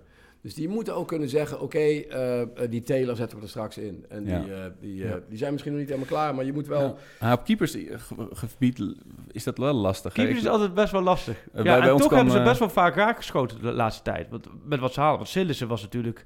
Hè, dat is eigenlijk Ja, die gewoon van, van NEC gestolen natuurlijk. Maar. Ja, jawel, maar goed, dat, is wel, dat moet je wel maar doen. Ik heb en niet dat het is wel idee goed dat, dat, dat keepers bij Ajax... eh, eh, ik weet nog goed dat eh, een paar jaar geleden eh, hadden wij een... mijn zoon, die kan best goed voetballen. Hadden wij een wedstrijd tegen Ajax geregeld. In de zaal. En wij wonnen dik. wij waren één jaar ouder, die jongens van ons. Hè, dus, maar we wonnen geloof ik met 15-4 of zo. Want ik weet nog dat ik terugkwam in die, in die, eh, in die, in die ruimte daar, in die toekomst. Ja. En zegt die man die ons ontvangen had, die zegt... eh, wat was de uitslag? Ik zeg 15-4. Oh, zei hij. Oh ja, nou, hebben jullie best eh, goed tegenstand. Ik zeg nou, het was 15-4 voor ons hoor, niet voor Ajax. Maar die hadden gewoon een heel slechte keeper. Ja. En het was bij die kleintjes. Ja. En het bleek dat ze die keepers, ja, dat, dat was voor hun allemaal, zeker bij die kleintjes, van ja, dat... eh, dat er moet eh, ook iemand op doel. er moet iemand op. Ja. hè. Broertje het gaat van- om voetballers. ja. En, en wij hadden een hele goede keeper. Dus die, die Ajaxietjes die schoten allemaal 30 Ja. keer op goal. Die hield Ja. alles. Ja. En die van hun, die, eh, die, die hield niks. Maar het is wel weer, de, de, de appgroepen komen nu voor het eerst weer echt tot leven. Weet je wel, iedereen, wie moet, wie moet het Ja. worden? Is het, Ja, eh, nee, dat wordt... Dat, wordt, Dat, is ook wel weer leuk. Alleen ja, maken, het, het, het, het interessant. stomme van dit, eh, we hebben het woord gelukkig nog niet gebruikt, Ja. van dit coronavirus, is dat niemand weet Wat er gaat gebeuren. Wanneer het weer gaat beginnen. Nee. En, en de transfermarkt zal ook wel... ehm, Die krijgt flinke klappen. kijk, zoals Donny van Beek, anders. die zou normaal gesproken zou die nu voor 50, 60 Ja. miljoen zijn weggegaan. Ja. Ja, nu is de vraag, Ajax, ik- Ajax gaat niet hem voor 25 miljoen verkopen. Nee. Dat Nee. doen ze niet. Dan zullen ze tegen Donny zeggen, ja luister, eh, eh, spijtig van jou. Wij vinden dat dit jouw marktwaarde is in een normale voetbalmarkt. Ja. Dan wacht je maar een jaar. Ja, en dat wordt, dan wordt het eh, schuren, denk ik hoor. Want dat, dat, dat- Nee, maar daar was Ten Hag afgelopen week ook wel heel duidelijk over. Van ze halen, alle posities zijn dubbel bezet. Dus ze, ze, ze halen nu niks. Die, die, die zijn staan nog op rood. Terecht, omdat ze ook niet weten hoe groot de klappen gaan zijn ja. eh, voor Ajax. Plus, je hebt ook niet de noodzaak. Sia gaat en die Anthony komt. Dus je hebt op zich, hè, alle posities staan klaar. Ehm, en dan is het maar de vraag, ho- hoe gaat het met Onana van de Beek, Fico? Dat zijn natuurlijk de drie targets Ja. Waar men een normale transferzomer ja. waren die drie waarschijnlijk gegaan. En met heel veel geluk over Ajax misschien twee van de drie. Maar de- die waren sowieso weg geweest. En nu weet niemand het. Omdat, A, die landen die be- belangstelling hebben... die moeten nog hun competitie gaan afmaken. Ja. Dus die, die zijn vooral daar eerst mee bezig. Of dat überhaupt wel afgemaakt kan worden. Dan vervolgens moet die transferperiode... men weet ook niet hoe lang die door gaat lopen. Je weet ook niet wanneer een volgend seizoen start. En ze weten daar de geldstroom ook niet. Nou Dus ja, blijft- wil, wil een speler op dit moment naar Spanje. Hè, ik bedoel, eh, eh, maar ik denk, dat, ik denk dat dat niet zo... Ik denk dat uh, Onana en Dortmund de Beek... Dat, dat Ah, maar die niet- maatschappijen moeten eerst weer een beetje aan Nee, precies, zijn. dat wel. Bedoel, Alleen als, wel- als nu Barcelona komt en, en die hebben het bedrag wat Ajax wil, dan is Onana morgen weg. Alleen dat gaat niet gebeuren, want Barcelona heeft zelf ook financiële problemen. Ja, ja en iedereen vindt... Kijk, bij Ajax ook, ja... je- eh, ik vraag het ook bij Ajax van, van zo'n loonoffer... wat je toch eigenlijk bijna bij alle Europese topclubs ziet. Ja, Dat is hier nog niet gebeurd. nee, Vind ik wel opvallend. Nee. Dus daar zit Met geen name ook een in. beetje in deze, deze discussie, eh, eh, de hele PR-discussie naar de regering ook toe. Kijk, Ajax zal niet bij de minister gaan aankloppen, want die weten toch, ja, eh, eh, het mi- het ministerie gaat niet het eh, salaris van Donny van der Beek aanvullen met 4 miljoen. Dat Nee. zou een beetje raar zijn. Ja. Eh, dat geldt vooral voor de eerste divisie en de, en de, en de rechterkant, de Ja. Eredivisie, zou ik maar zeggen. Maar eh, ja, ik vind het toch redelijk opvallend dat in Nederland daar nog niks in gebeurd is. Ja. Want je, je, je, je- ik, weet, ik wil niet zeggen dat het moet, hè, want ik was net een hele discussie op de radio daarover, over loonoffers. Ja, van de ene kant heb je een contract getekend en eh, ja, jij kunt er ook niks aan doen dat die, eh, dat die eh, ziekte is uitgebroken. Ja. Maar ja, je moet wel proberen met z'n allen overeind te blijven. Ja. En dat is best wel Maar een precies. klus. Maar daar zit nu het ook, dat is weer een andere discussie. Het probleem met z'n allen is natuurlijk door de afgelopen weken en maanden is dat zo totaal niet van toepassing op de voetballerij. Waardoor elke beslissing Ja, Ja. valt de boel uit elkaar. Welke beslissing het ook is. Ja. En dat, dat is in het verlengde hiervan ook weer natuurlijk. Ja, maar goed. En, en hoe erg mis je het? Want het is natuurlijk... nou, ik mis gewoon, eh, weet je, ik, ik, ik, ik kom mijn tijd best door. Hè, Ja. Want ik vind, eh, er is nog steeds genoeg te schrijven. En, eh, Maar je mist wel een bepaald ritme, toch? Ik Ik, mis- heb wel dat je ik mist mis wel het gevoel eh, van ik wedstrijden. voetballen ook zelf. Ja. Niet dat ik zelf nou zoveel voetbalde nog, maar gewoon zaterdagochtends met mijn zoon naar de wedstrijd toe. Oh ja, ja. Eh, daar ben ik eh, eh, zeg maar assistent van de trainer. En eh, dat vind ik echt het leukste wat er is. Je bent een beetje de Van der Lem... eh, Ja, nou goed, hij, we, we hebben echt Cookie een- trainer Nee, met Vorend. hoogste eh, diploma ongeveer heeft hij. En, en, en ik doe nou een beetje de tijd van de wissels bijhouden en de limonade halen en de rust. En ik roep dan af en toe nog wat in de kleedkamer. En eh, eh, daarna ga, ga ik met mijn eigen veteranenteam van Terrasvogels nog voetballen. Als het nog allemaal kalendertechnisch in elkaar past. En dan s'avonds, ja, die laatste zaterdag vond ik echt een geweldige dag. Ja. Eerst met mijn zoon naar de dijk in Amsterdam. Vervolgens eh, eh, moest ik geloof ik in Heemstede. Dan doe ik nog een half uur mee met, met de veteranen. En dan laatste Heerenveen. Ajax. En daarna Heerenveen Ajax. Ja. Dan heb ik gewoon een dag, dan ben ik gelukkig. Ja. Nou ja, dat vind ik een mooie dag. heel herkenbaar. Dus precies inderdaad hetgeen. En, en, en, En, je denkt wel, ik race me gek. Het Ja, is eigenlijk idioot. het is idioot. auto En en... altijd een McDonald's zakje op schoot. ja. Ik denk serieus, maar dat klinkt heel gek. Daar heb ik, wel- ik denk echt, als ik een Nederlands kampioenschap McDonald's eten op schoot in de auto. Ik, ik kan heel veel dingen niet, hè, dan weet je heel veel dingen niet. Maar dat win ik absoluut. En bij Lemmer, altijd Heerenveen uit, altijd vast Lemmer eraf, McDonald'sje op schoot. Big Mac Ja. minuutje met kroketje, altijd die combinatie. En dan doorgaan. En dan kom je, laten we zeggen, voor je gevoel, Twee te laat. thuis. En dan ben, ja, nee, maar die, precies, de eerste paar weekenden denk je dan van, oh ja, oké, dat voelt een beetje onwennig, alsof het interland week, weet ik wat. ja. Maar ik, precies dit gevoel van Willem, dat heb ik de laatste weekenden steeds meer. Dat ik denk, ja, god man, is zo'n het, magische zaterdag of zo. Dat, Ja, dat voetbal moet is gewoon... eh, eh, Mijn zoon die zegt ook wel eens, ja, dan rijden we, lang, dan rijden we gewoon met de auto rijden we door het dorp. En dan kijk ik altijd naar een voetbalveld. Ja. Dan Ja. is daar iets... Ja. eh, Ja. eh, en dan zegt mijn, mijn oudste zoon, die, is, die is- vindt voetbal wel leuk, maar niet bijzonder. En die zegt dan, maar jij kijkt altijd naar voetbal. Ik zie je altijd naar voetbal kijken. Ik zeg, ja, maar ik vind dat leuk. Ja. Als ik niks te doen zou hebben, zou ik gewoon eh, de hele dag... Niet, niet op televisie, maar gewoon... Langs de reling, langs, gewoon ja, langs ja. een... Ja.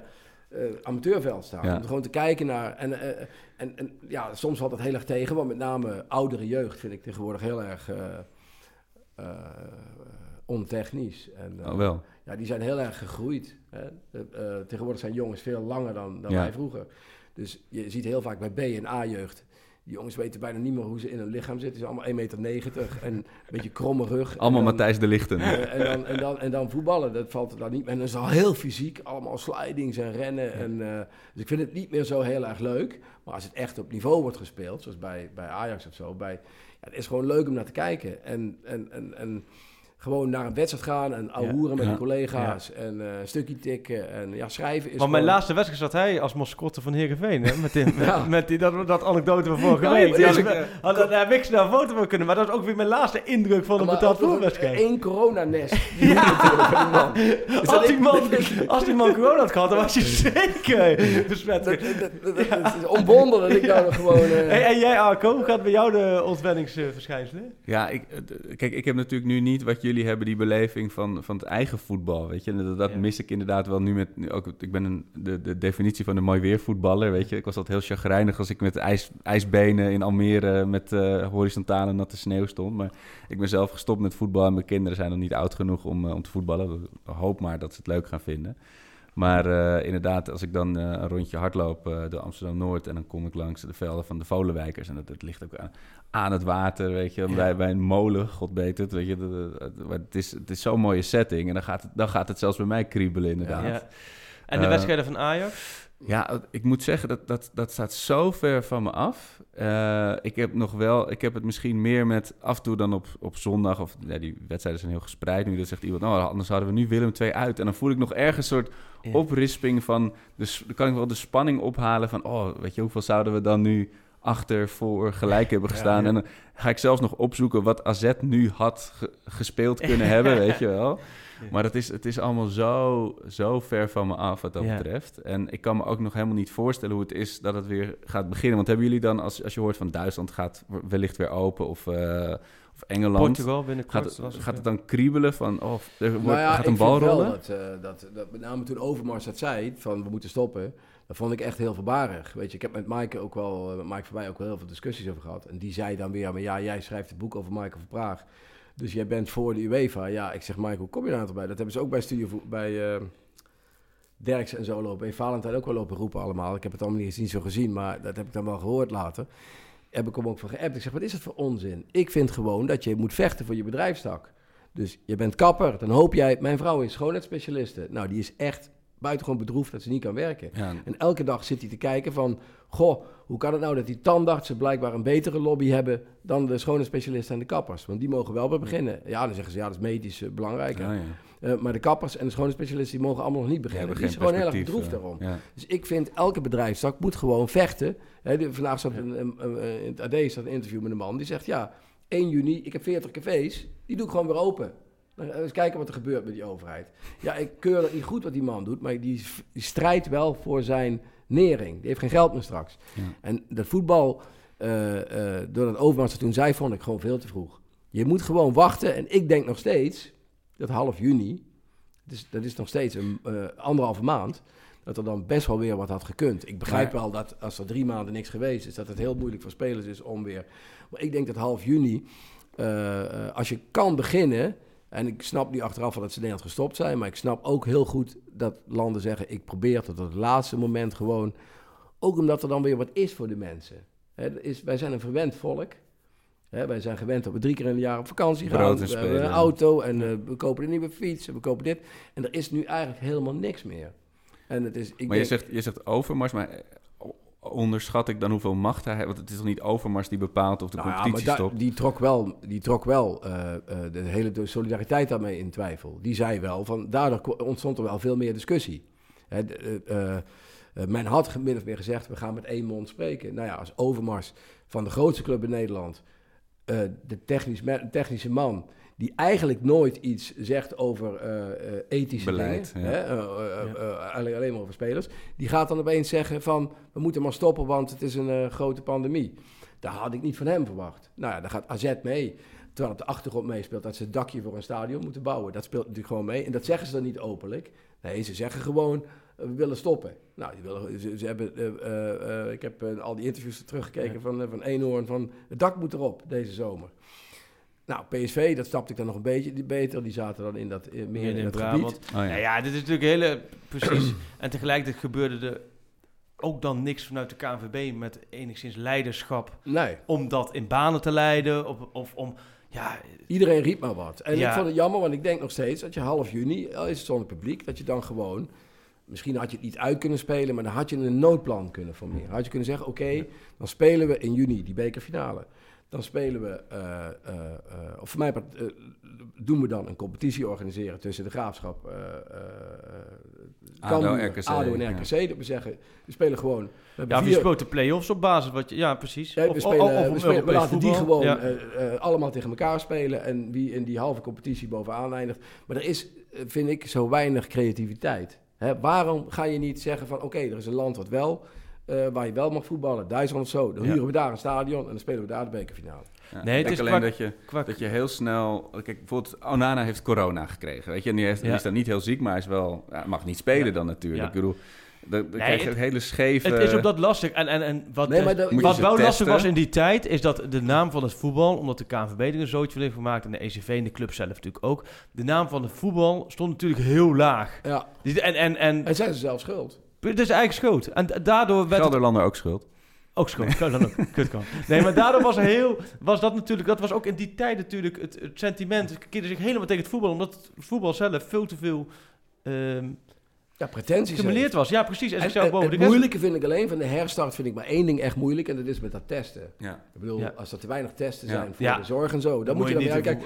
Maar om- ik lees bijvoorbeeld het plan van Oostenrijk. Daar, daar eh, gaan ze gewoon weer beginnen, willen ze weer beginnen. Maar dan testen ze die spelers. Maar als er dan eentje corona heeft, gaan ze niet zeggen dat het hele team moet eruit. Want dan kun je natuurlijk stoppen met een Ja. competitie. Dan zeggen ze gewoon alleen die ene moet eruit. Ja. Nou, en de week daarna, als ze weer moeten spelen, testen we weer. En als dan blijkt dat niemand verder is, spelen ze gewoon verder. Dus ja, kijk, ook die spelers die van de VVCS die allemaal zeggen... ja, maar, maar we vinden het allemaal niet veilig. En mensen ook in het onderwijs. Ja, op een gegeven moment moet je wel...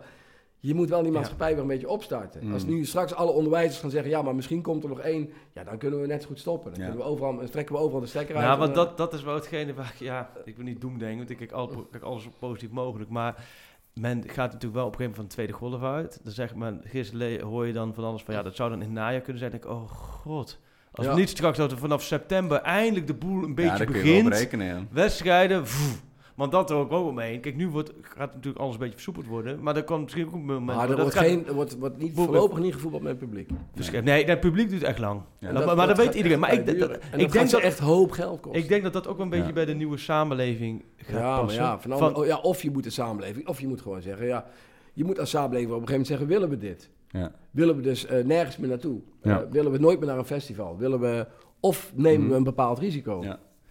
Laten we nog heel even, want ik, eh, nog even een paar eh, dingen terughalen uit jouw roemruchte eh, Ajax voetbalvolgcarrière.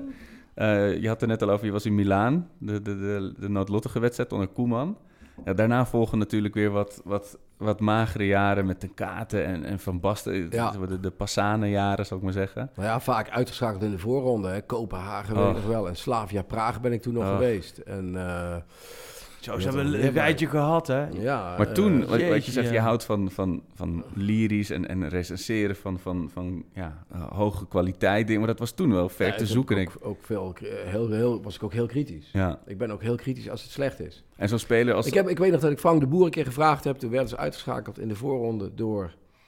Ik dacht Rapid Wien. Ik weet het niet meer zeker. Rapid Wien of. Austria Wien. Ja. Een van die twee clubs uit... eh, dat ik hem gevraagd heb, maar waarom denken jullie nou dat je met een veredeld jeugdteam Ja, de Champions League kunt Dat was meer Hoe- dan terecht tegen Rappie team was Hoe dat. kan ja. dat nou eigenlijk? Toen Sinkgraven ging ja, pingelen voor de- Toen, Oh, zei, ja. toen zei Frank de Boer, zei, eh, ja, ik denk dat we ons er inderdaad in vergissen. En toen hebben ze later ook dat beleid, mede omdat, omdat Bergkamp wegging en Frank de Boer zelf wegging, hebben ze dat beleid aan.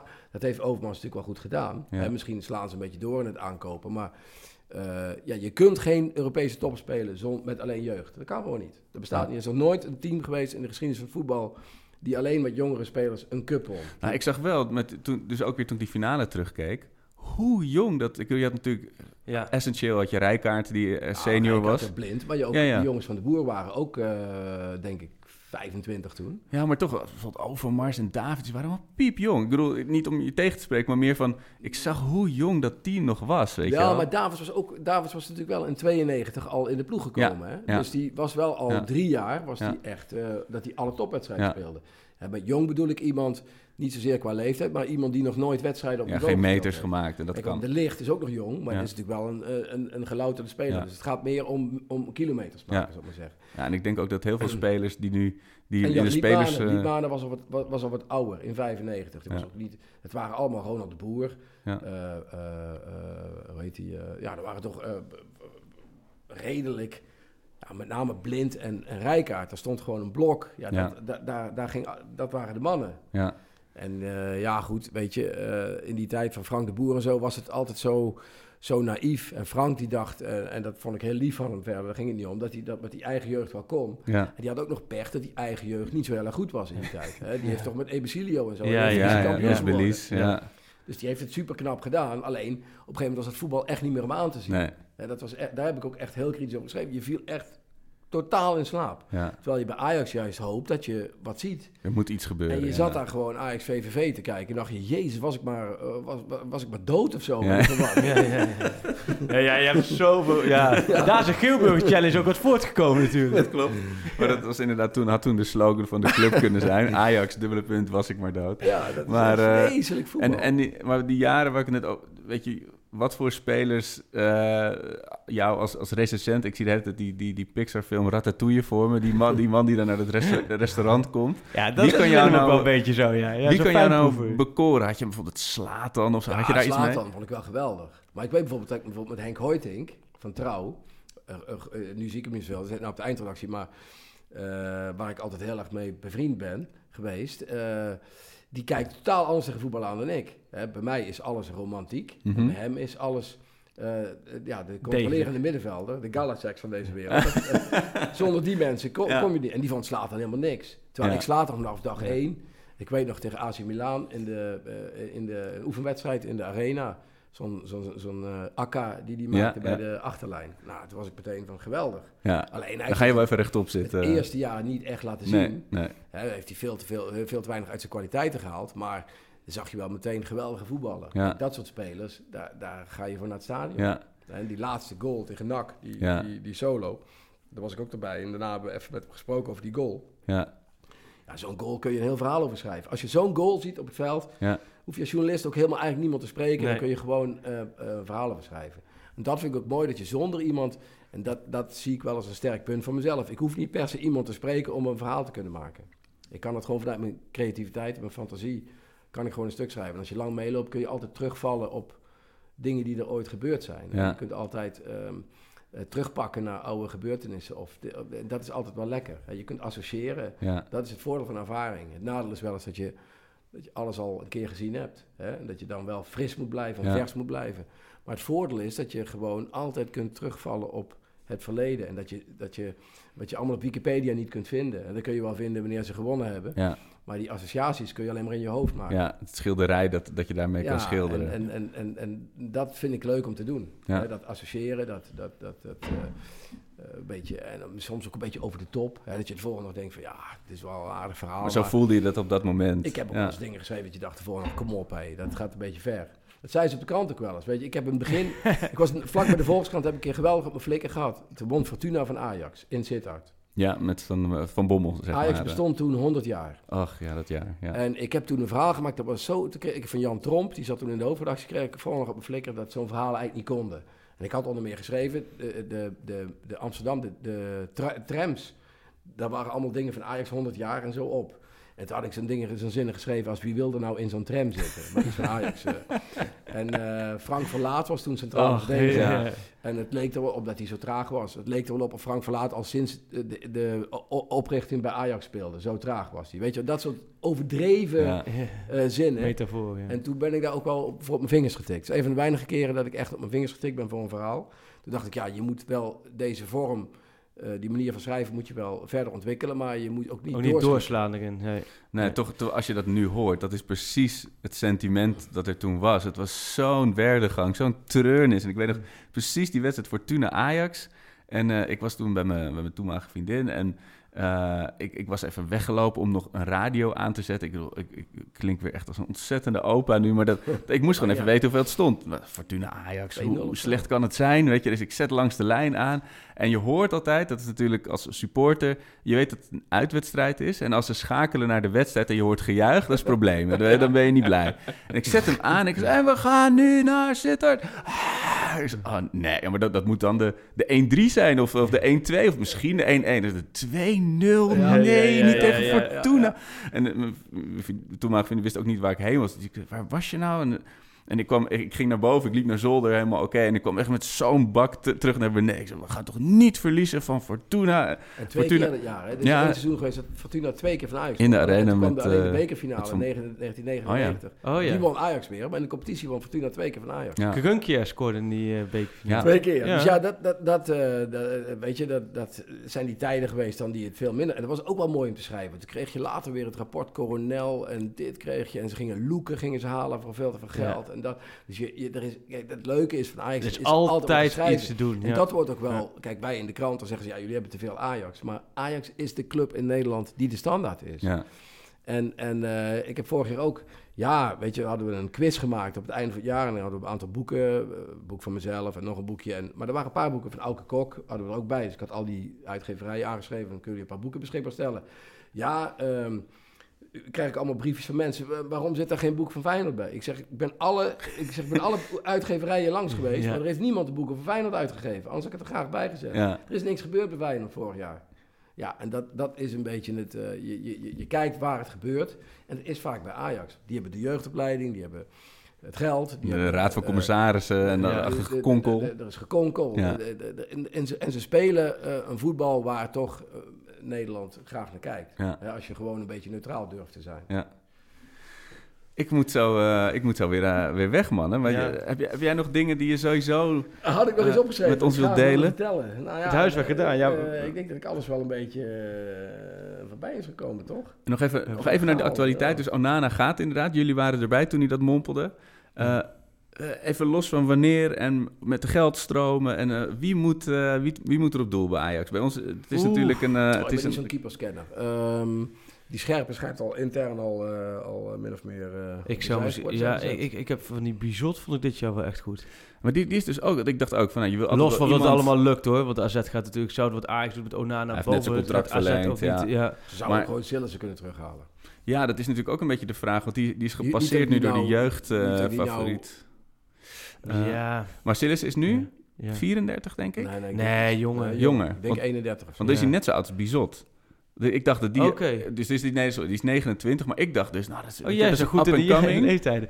Ehm, ja, wie zei het? is heel lastig. Ja, ik weet ook dat het toen, toen ze Van eh, Leer haalden een paar jaar geleden, iedereen nadat het jaar Roda dacht van, oh, Ja. Van Leer, als die kan dezelfde route als uh. Sillissen afleggen. Ja. maar een miljoen voor betaald, nou, dat valt wel mee. Nou ja, Van Leer is nu 28ste keeper, dus dat, je kunt, het is heel lastig. Maar wel wat, wat Willem ook zegt. Ik bedoel, bij Ajax... We zijn nu natuurlijk heel erg even een tijd gewe- gewend geweest... dat de keeper een hele bepalende, Ja. charismatisch aanwezige eh, persoonlijkheid is eh, ja, op doel. ja, met Onana heb je dat gehad. En dat Ja. is, maar hierna zul je waarschijnlijk weer, ja, Ajax heeft ook een keeper krijgen. En dat is natuurlijk Ja. ook goed, want dat, je wil gewoon iemand, niet zoals met sommige keepers, dat je eh, dat je, je kringspier even voelt Ja, aanspannen ja. elke keer als de bal in zijn kant op Ik gaat. weet Maar voor de rest, niet hoe goed die Kotarski precies is. Die heb ik wel een paar keer gezien, maar ik kan niet... Nee, heel Kijk, lastig. Onana was toen ook in jong Ajax niet goed. Nee. hè, en, en het begin. En, en die heeft zich geweldig ontwikkeld. Dus deze ik denk van de, van de jongens die nu al in een Ajax-shirt lopen, dat hij misschien nog wel de meeste eh, kans maakt. Ik bedoel, wat je zegt Het is... is heel lastig bij jonge keepers sowieso. Mickey van der Harten was het Ja. beste talent van Ja. heel Nederland in de jeugd bij Ajax. Ja. Dat was iedereen, dat Ja. wordt echt eh, Bij Go Ahead Tien- in de fout toen. tien jaar lang nummer één en die Ja. keept nu in Polen. Snap je? Maar hij doet wel goed natuurlijk nu ook ja, dingen doe- weer- doe- nou, nee, het is ook echt wel een goede keeper. Alleen, men dacht dat is Ajax 1, Ja. maar dat is natuurlijk niet geworden. Maar het is zo'n zo'n roulette, want het is inderdaad zoals Sillissen... Ja, die moet natuurlijk niet op de bank gaan zitten nog een keer... als hij het EK volgend jaar wil spelen. Ja, en Dus- wil die terugkomen, dan weet je natuurlijk ook niet. Nee, want dan krijg je, je krijgt dan ook een beetje van... hoi, welkom terug, hoe was het op de bank in Spanje, weet je wel? Dus dat, dat, dat is ook weer niet... Nou, moeilijk. Maar eh, Willem, Willem, bedankt. heel erg bedankt Ja, voor je graag komst. gedaan. Nou ja, man, hè? eh, de, de kat en de deel 2 Willem Vissers Ik had komen. eh, nog, eh, ongetwijfeld. onge- ik had nog een, een ongelooflijk veel anekdotes op nou, die gaan, we, die gaan we voor de een volgende keer, want dat, dat, dat- dat houden we warm. We, moeten- we hebben nog een, een maandje of vier door te komen, voordat, voordat we weer eh, door een Ajax tegen een bal wordt getrapt in een wedstrijd.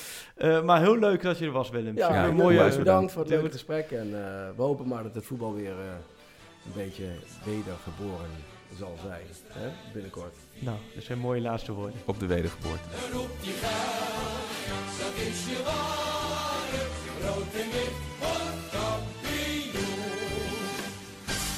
Ajax is Ajax, and what does that mean? Then we are, then we are the best one.